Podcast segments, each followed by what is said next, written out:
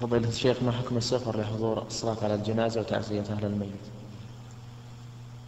إذا كان إذا كانت هذه الجنازة ممن له حق عام أو خاص فلا بأس أن يسافر الإنسان لها. وليس هذا من باب شد الرحل إلى القبور.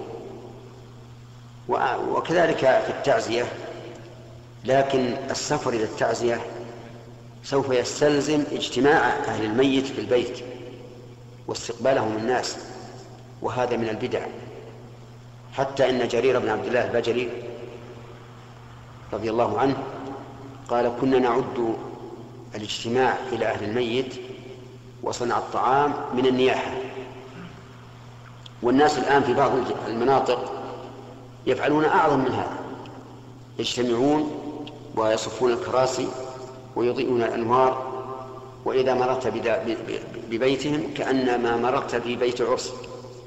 وهذا لا شك أنه من البدع. والميت لا ينتفع بذلك.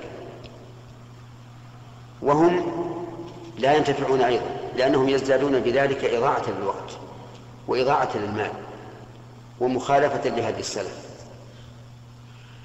فلهذا نحن ننصح إخواننا المسلمين أن أن أن نقول لهم دعوا هذه العادة فإن شيئا لم يفعله السلف لا خير فيه.